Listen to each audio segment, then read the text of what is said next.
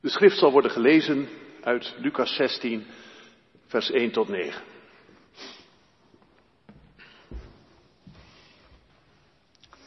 Lucas 16 vanaf het eerste vers.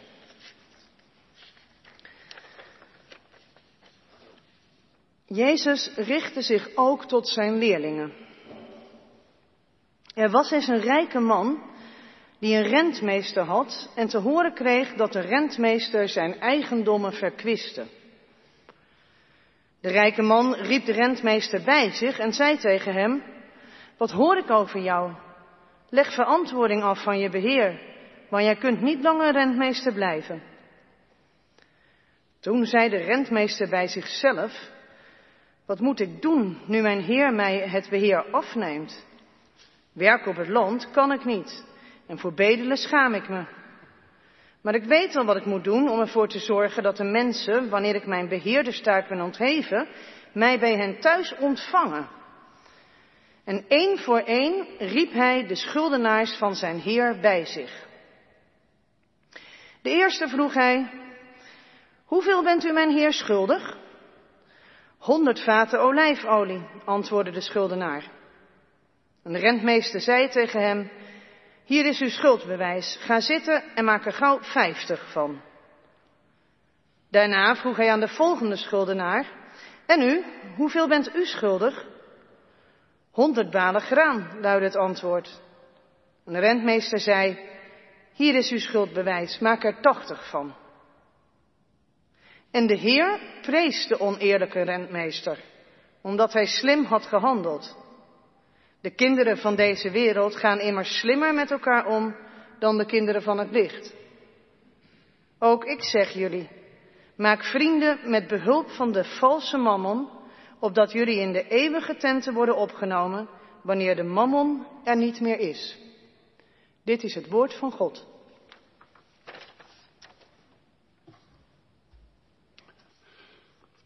Gemeente van Christus, een gelijkenis.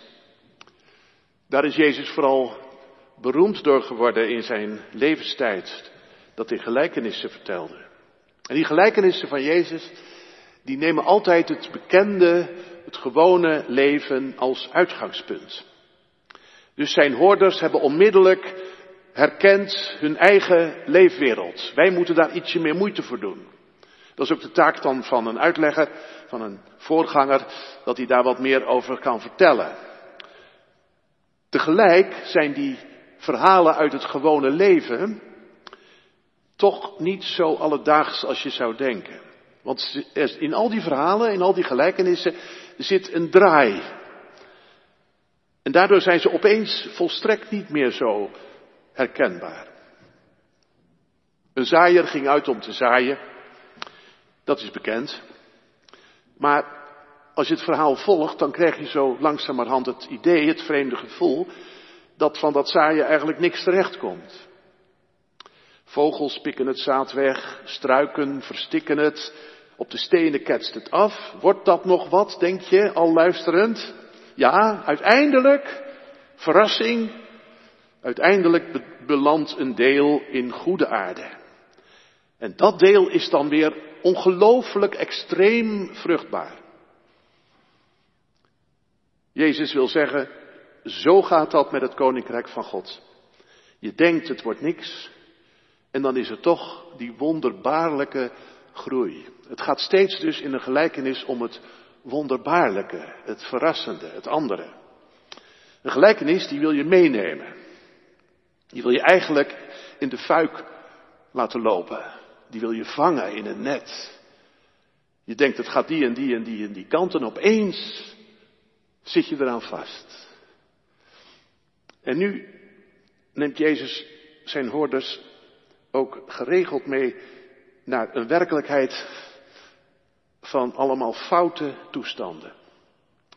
Dat komt eigenlijk opvallend vaak voor. Een onrechtvaardige rechter, zo corrupt als maar zijn kan. Nou, daar wisten ze in Israël toen echt wel iets van. En dan heb je een weduwe die bij die rechter haar recht komt claimen. Kansloos natuurlijk. Nee, zegt hij, en nog eens een keer nee. En dan gebeurt het. Dan zegt die man opeens tegen zichzelf, ja, ik ben wel een keiharde en van God trek ik me ook niks aan, maar laat ik nu toch maar die weduwe haar zin geven. Anders vliegt ze me nog aan. Raar denk je. Wordt die man opeens bang van een weduwe? En dan zegt Jezus, kijk wat die man nu doet. Dat verwacht je helemaal niet. Dat is eigenlijk ook niet goed uit te leggen. Het is puur wonderbaarlijk. En om dat wonderbaarlijke gaat het nou. Want dat wonderbaarlijke is er nu altijd bij God. Niet als een uitzondering, maar altijd. Als je bij Hem komt, dan luistert Hij naar je en dan geeft Hij je waar je recht op hebt. Nu komen we bij een knoeiende rentmeester. Dat kun je het beste voorstellen als een administrateur op niveau. Hij werkt bij een groot bedrijf en het is typisch zo'n baan die bij het middenkader hoort. Hij is niet de grote baas, die zit boven hem. Hij hoort ook niet bij het, eh, laat ik maar zeggen, het fabriekspersoneel. Hij zit er tussenin. Dus hij heeft verantwoordelijkheden naar boven en naar beneden. Deze man behoort tot een sociale laag, zou je kunnen zeggen, waartoe ook verreweg de meeste mensen die bij ons naar de kerk gaan behoren. Je hebt altijd wel iemand boven je en je hebt er ook een hele aantal voor wie jij dan weer verantwoordelijk bent. Deze administrateur, die handelt de zaken af voor zijn baas, voor de eigenaar. En hij gaat om met klanten. Ze worden hier schuldenaars genoemd. Maar het zijn klanten die hebben een levering gekregen van die grote meneer, van dat bedrijf. En nu staan ze dus bij hem in de schuld. Voor heel wat trouwens. Dus die klanten zijn geen kleine jongens. Dat zijn ook best wel mensen met een behoorlijke eh, beurs.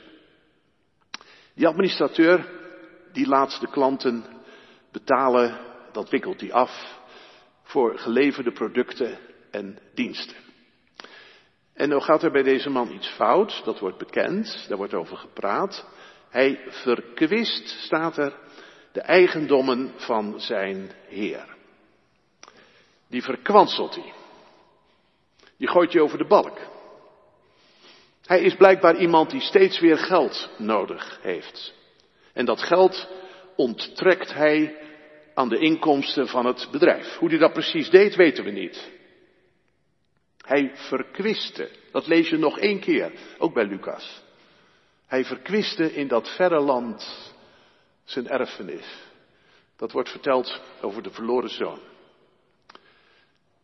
En wanneer ga je nou geld verkwisten? Wat, wat voor leven leid je dan? Nou ja, dat is natuurlijk als je boven je stand leeft. Of dat je te vaak naar het casino gaat. Nou, de verspilling komt uit. En de dader vliegt er meteen uit. Wat hoor ik van jou? Jij kunt geen rentmeester blijven. Exit administrateur. Hij kan gaan. Nee, nee, nee, nee. Nog even niet. Er moet namelijk nog iets gebeuren. Hij moet nog iets doen in zijn functie als rentmeester. Hij moet terugkomen bij de eigenaar, bij de Heer, om verantwoording af te leggen van zijn beheer. Dat vraagt de Heer. Dat is het laatste wat hem nog te doen staat. Vertel het maar en laat het ook zien. Die afrekeningen. Dat moet wel, want zijn opvolger, die natuurlijk al uh, klaar staat, die zal die gegevens nodig hebben om alles weer op orde te brengen. Bekende geschiedenis. Ja. Je leest over zo'n affaire in de krant. En in welke mindset kom je dan meteen? Wat ga je dan meteen denken? Straffen die man. Straffen die kerel. Wegwezen. Dat is weer zo eentje. Het verrassende is dat Jezus ons meeneemt in deze gelijkenis naar wat er op dat moment in de dader omgaat. Die man ziet zich in één klap geconfronteerd met het einde van zijn geriefelijke leven. Hij zal alles kwijtraken. Zijn positie, zijn status, zijn netwerk, zijn goede naam. Denk even aan Ali B. en Mark Overmars. Eén zwart gat. Eén ding, één ding heeft hij nog te doen. In deze volstrekte rampenplan moet hij nog terug. Om verantwoording af te leggen. En dat geeft hem net even een klein beetje speelruimte. Een heel korte periode om na te denken. En misschien, misschien nog iets te verzinnen. Wat doet hij? Hij gaat nadenken bij zichzelf. En eerst zet hij de zaken op een rijtje. Dat moet ik nu doen. Nu mijn Heer mij het beheer afneemt. Zal ik gaan spitten, dat staat er eigenlijk, zal ik gaan spitten op het land? Daar heb ik de kracht niet voor. Bedelen? Nee, ik zak al door de grond bij de gedachte. Nou, dat dus niet. En wat dan wel? En dan, dan vindt hij het muizengaatje om toch te ontsnappen. Ik weet het, zegt hij. Ik heb het gevonden. Ik ga ervoor zorgen dat ik na mijn ontslag een vangnet heb. En een vangnet ook in die wereld, en ook in de onze lijkt mij, dat vangnet is dat er mensen zijn die me zullen ontvangen bij hen thuis. En dat zegt eigenlijk alles. Zolang mensen je nog willen ontvangen, hoor je erbij. Ben je welkom? Ben je man met aanzien en respect? Het ergste in het Midden-Oosten is als je niet meer welkom bent. Dat is eigenlijk iets onvoorstelbaars. En min of meer bij ons is dat ook zo, lijkt mij. Dus actie. Hij roept één voor één die grote klanten bij zich. Hoeveel moet jij nog afrekenen? 100 vaten olijfolie. Maak er haastig 50 van, zegt hij. Opschrijven. Nu, meteen, snel. Alles heeft een betekenis in zo'n gelijkenis. Dat snel, hè? En dat herken je, toch? Want als het gaat om onze goede naam, hè? of om jouw positie, je status in het team, dan ben je heus wel snel. Appen, regelen, ritselen. Zo werkt dat. Als ik jou korting geef, dan vertel jij me wel en dan vertel je het ook aan de andere mensen hoe goed ik eigenlijk ben. Hier tekenen alstublieft. En als je er even naar kijkt, dan moet je zeggen, iedereen profiteert. Het is een pure win-win situatie. Jullie hoeven minder af te rekenen en ik krijg de goodwill ervoor terug. Straks, na mijn ontslag, kan ik op jullie rekenen. Dat zou je wel een slimme zet kunnen noemen. Als je het bekijkt vanuit eigen belang. En zo gaat het toch. Zo worden toch netwerken gebouwd. Met gunstige tarieven voor je vriendjes. Die jou zullen helpen als jij ze nodig hebt. Jezus zegt, zo doen de kinderen van deze wereld dat. Maar nu komt het verbluffende. Wat alles eigenlijk uit het lood slaat. Het wonderbaarlijke.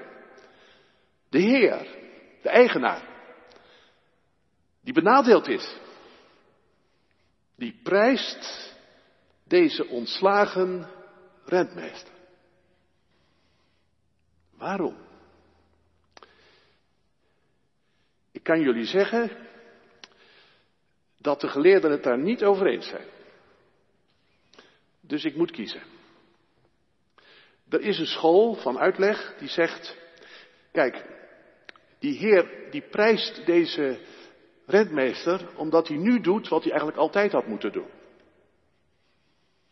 Hij gaat nu namelijk de bedragen afrekenen waarop zijn Heer recht had. Hij gaat dus in plaats van 100 vaten 50 vaten noteren. Die andere 50, die stak hij dus in zijn eigen zak. Die woekerwinst, die trekt hij er nu van af. En hij laat nu de mensen een eerlijke prijs betalen. En de Heer die dat hoort, die zegt, nou ja, vooruit. Heeft hij toch nog een les geleerd?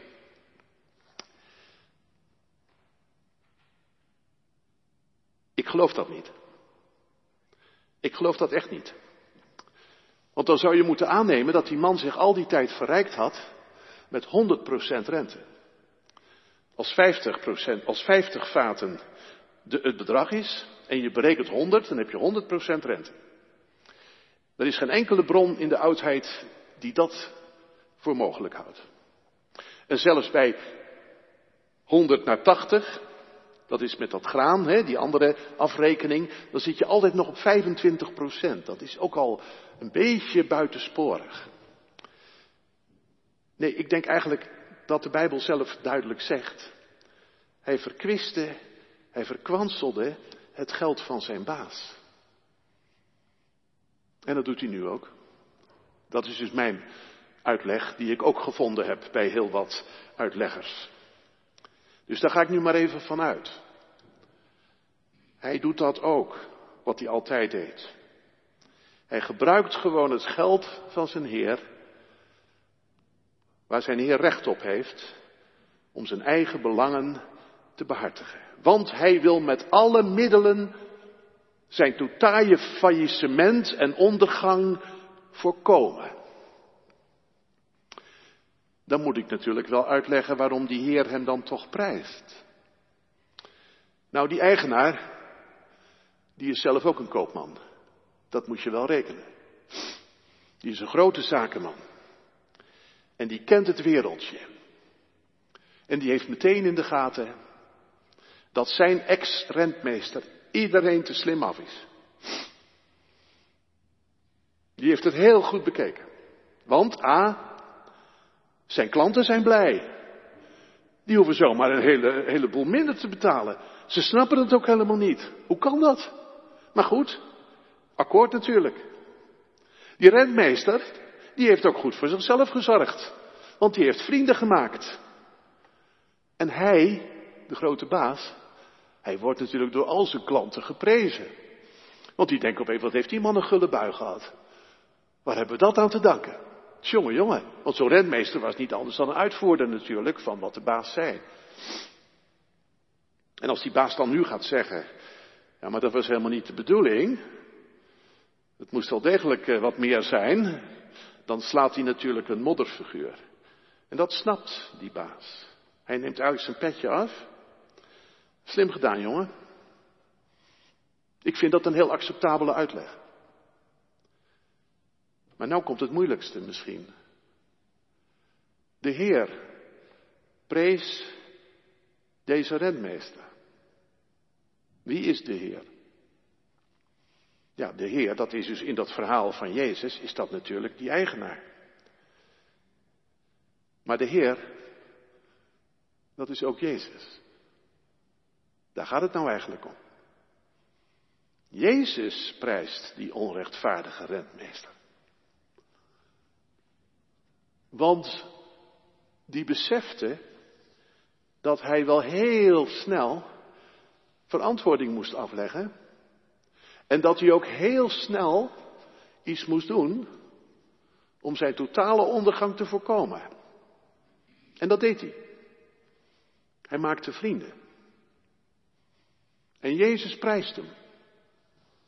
Niet zijn oneerlijkheid. Jezus wil niet zeggen, nou ja, dat ben ik eigenlijk ook wel voor, voor zo'n handigheidje, dat moet je af en toe doen in het leven. Nee, nee, hij zegt even later, je moet in het kleinste getrouw zijn. Je moet soms ook op de cent nauwkeurig eerlijk blijven. Dus daar gaat het niet over. Jezus prijst niet zijn oneerlijkheid, maar wel dat hij werk maakte van zijn toekomst. Hoe die, eh, hoe die zou zijn als hij eh, aan het einde was. Dat hij maatregelen trof. Dat is dus een verhaal van Jezus. En dat verhaal gaat over de kinderen van deze wereld. De oligarchen. De advocaten die hen helpen. De netwerken van ongerechtigheid en slimmigheidjes. En Jezus zegt, die doen het op dit punt beter dan de kinderen van het licht. Dat zijn wij. Want, zegt Paulus, wij horen niet meer bij de nacht, maar we horen bij de dag. En wij moeten ook leven als kinderen van het licht. Maar volgens Jezus zijn wij dus niet zo doeltreffend en adequaat in onze omgang met geld en goed. Daar zijn we een beetje slap in. Niet snel genoeg. We zetten ons niet in op dat punt voor onze toekomst. We ontlopen nog de verantwoording die we moeten afleggen van ons, mens, ons rentmeester zijn. Dan zegt Jezus, maak vrienden met behulp van de valse mammon. Dat woord mammon, daar zou je al een hele preek over kunnen houden. Want mammon, daar zit amen in. Amen. Een woord wat wij vaak gebruiken. En mammon berust op diezelfde wortel. Dus mammon, dat is letterlijk iets waar je amen tegen zegt. Wat je beaamt. Waar je je vertrouwen op stelt. En Jezus heeft het over de valse mammon. Ja, wat betekent dat dan? Is alle geld dan oneerlijk? Nee, dat, dat is het niet. Maar Jezus noemt het wel de valse mammon of de mammon van de ongerechtigheid. En dat betekent dat die mammon je uiteindelijk niet geeft wat, je belooft, wat hij belooft. Uiteindelijk niet. Je kunt er dus niet amen tegen zeggen. Want, staat er, de mammon zal verdwijnen. Als de mammon verdwenen is, staat er. En als die mammon er niet meer is, dan heb je vrienden nodig. Dus heel concreet, als, als je geld verdwijnt, ook al heb je het allemaal op de bank staan en allemaal gegarandeerd, maar als je einde gekomen is en je geld weg, dan heb je vrienden nodig. Vrienden die je welkom heten, die je brengen als het ware, die je opnemen in de eeuwige tenten. Vrienden. Wie zijn dat? Nou, vanaf de kerkvaders, de vroege christenheid, is daar natuurlijk over nagedacht. En wat je vaak leest, dat is dat die vrienden de engelen zijn. Dat vind ik op zich een mooie gedachte. De arme Lazarus wordt door de engelen gedragen in de schoot van Abraham. Die gelijkenis, die komt ook een eindje verder nog bij Lucas, als ik mij niet vergis.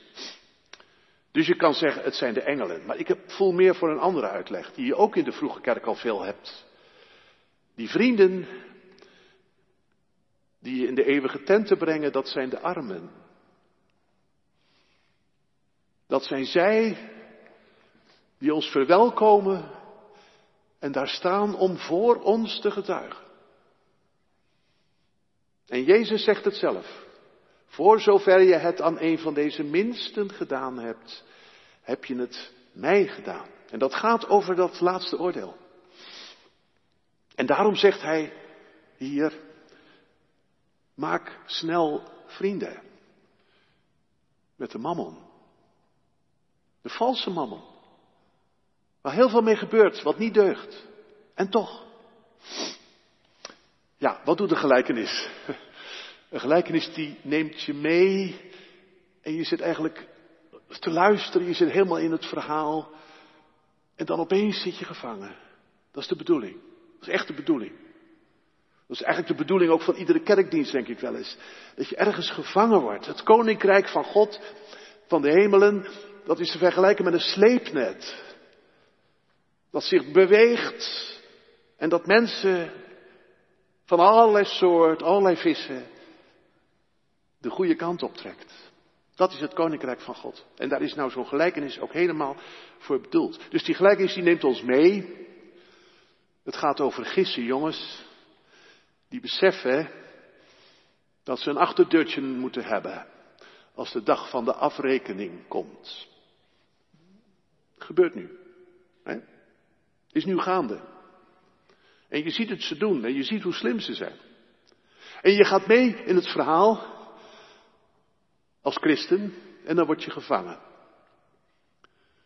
Jij, gelovige hoorder, je moet er ook snel bij zijn. Want er is haast bij. Tijd is kostbaar.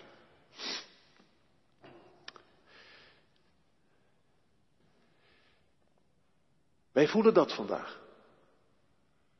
Wij voelen dat met elkaar. Weer sterker dan in andere periodes voelen wij dat. Tijd is kostbaar. Het is oorlog. Er arriveren vluchtelingen. Ik zag die, eh, die dikke burgemeester, Bruls.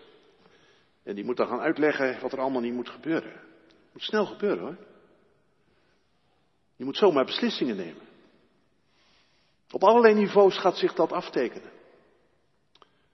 Wij worden als samenleving en als Europese Unie ter verantwoording geroepen. Hoe beheren wij wat ons is toevertrouwd? Waar vallen wij nu op terug? Wat zien wij nu als ons gezamenlijk eigen belang? Wat willen we niet prijsgeven? En wat hebben we ervoor over dat we dat niet kwijtraken? Dat is die haast die je nu voelt. Bij al die conferenties, besprekingen, de een die de ander gaat bezoeken. Haast. Maar ook persoonlijk, hè? Ook persoonlijk word je uitgedaagd als gelovige christen. Leg verantwoording af van wat je doet. Hoe je het beheert. Je aardse goederen. En maak snel vrienden met behulp van de valse mammon. Jezus heeft dat ook gezegd. Dat we oprecht zullen zijn als duiven en slim en scherpzinnig als slangen. En dat vind ik ook het mooie van deze gelijkenis. Als je natuurlijk al die berichten volgt, ook van die rijke stinkers en al die superjachten en zo, dan worden wij binnen de kortste keren grote moralisten. Nou, allemaal mensen die zeggen, ja, dat is toch wel heel goed dat die nu eens een keer op hun, uh, op hun snuffert gaan. En je kan het eigenlijk niet uitstaan dat dat ene schip dan nog weer net op tijd vertrokken is met onbekende bestemming. Ze hadden ze allemaal aan de ketting moeten leggen. Zo zitten wij ernaar te kijken. Ik ook. Moralisten. Maar wat Jezus ons nou zo heel duidelijk maakt, is dat we niet zo hoog van de toren moeten blazen. Wij zijn ook gewoon mensen.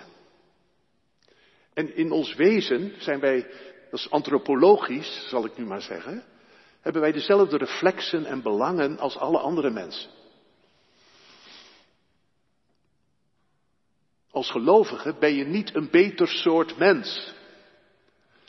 Ja, we zijn opnieuw geboren, zegt de Bijbel.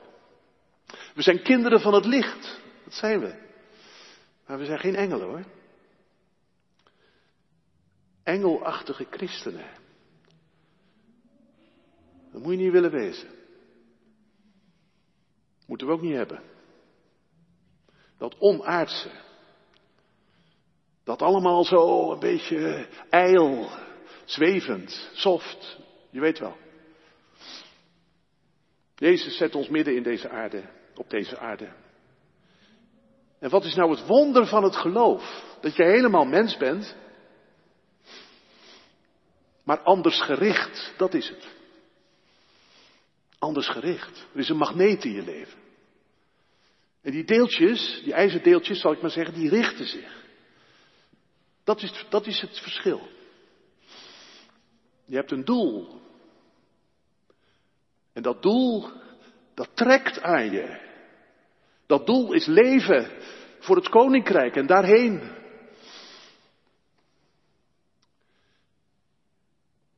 Daarom moet een christen ook vaak denken, het einde is nu nabij. Ik moet opschieten. Laat ik snel nog iets doen, iets regelen. Iets goeds. Met mijn geld, mijn goed, mijn tijd, mijn talenten, alles. Een christen is voortdurend bezig, lijkt mij, de hemel een stukje dichterbij te halen. Gelijkenissen. Een gelijkenis deze ook, die wil je meenemen. En die wil je vangen. Zodat je in het net komt. Soms moet je even, even wennen. Dat er aan je zo getrokken wordt. En toch, als je dat merkt, steeds weer, dan weet je zeker, nu gaat het de goede kant op. Amen.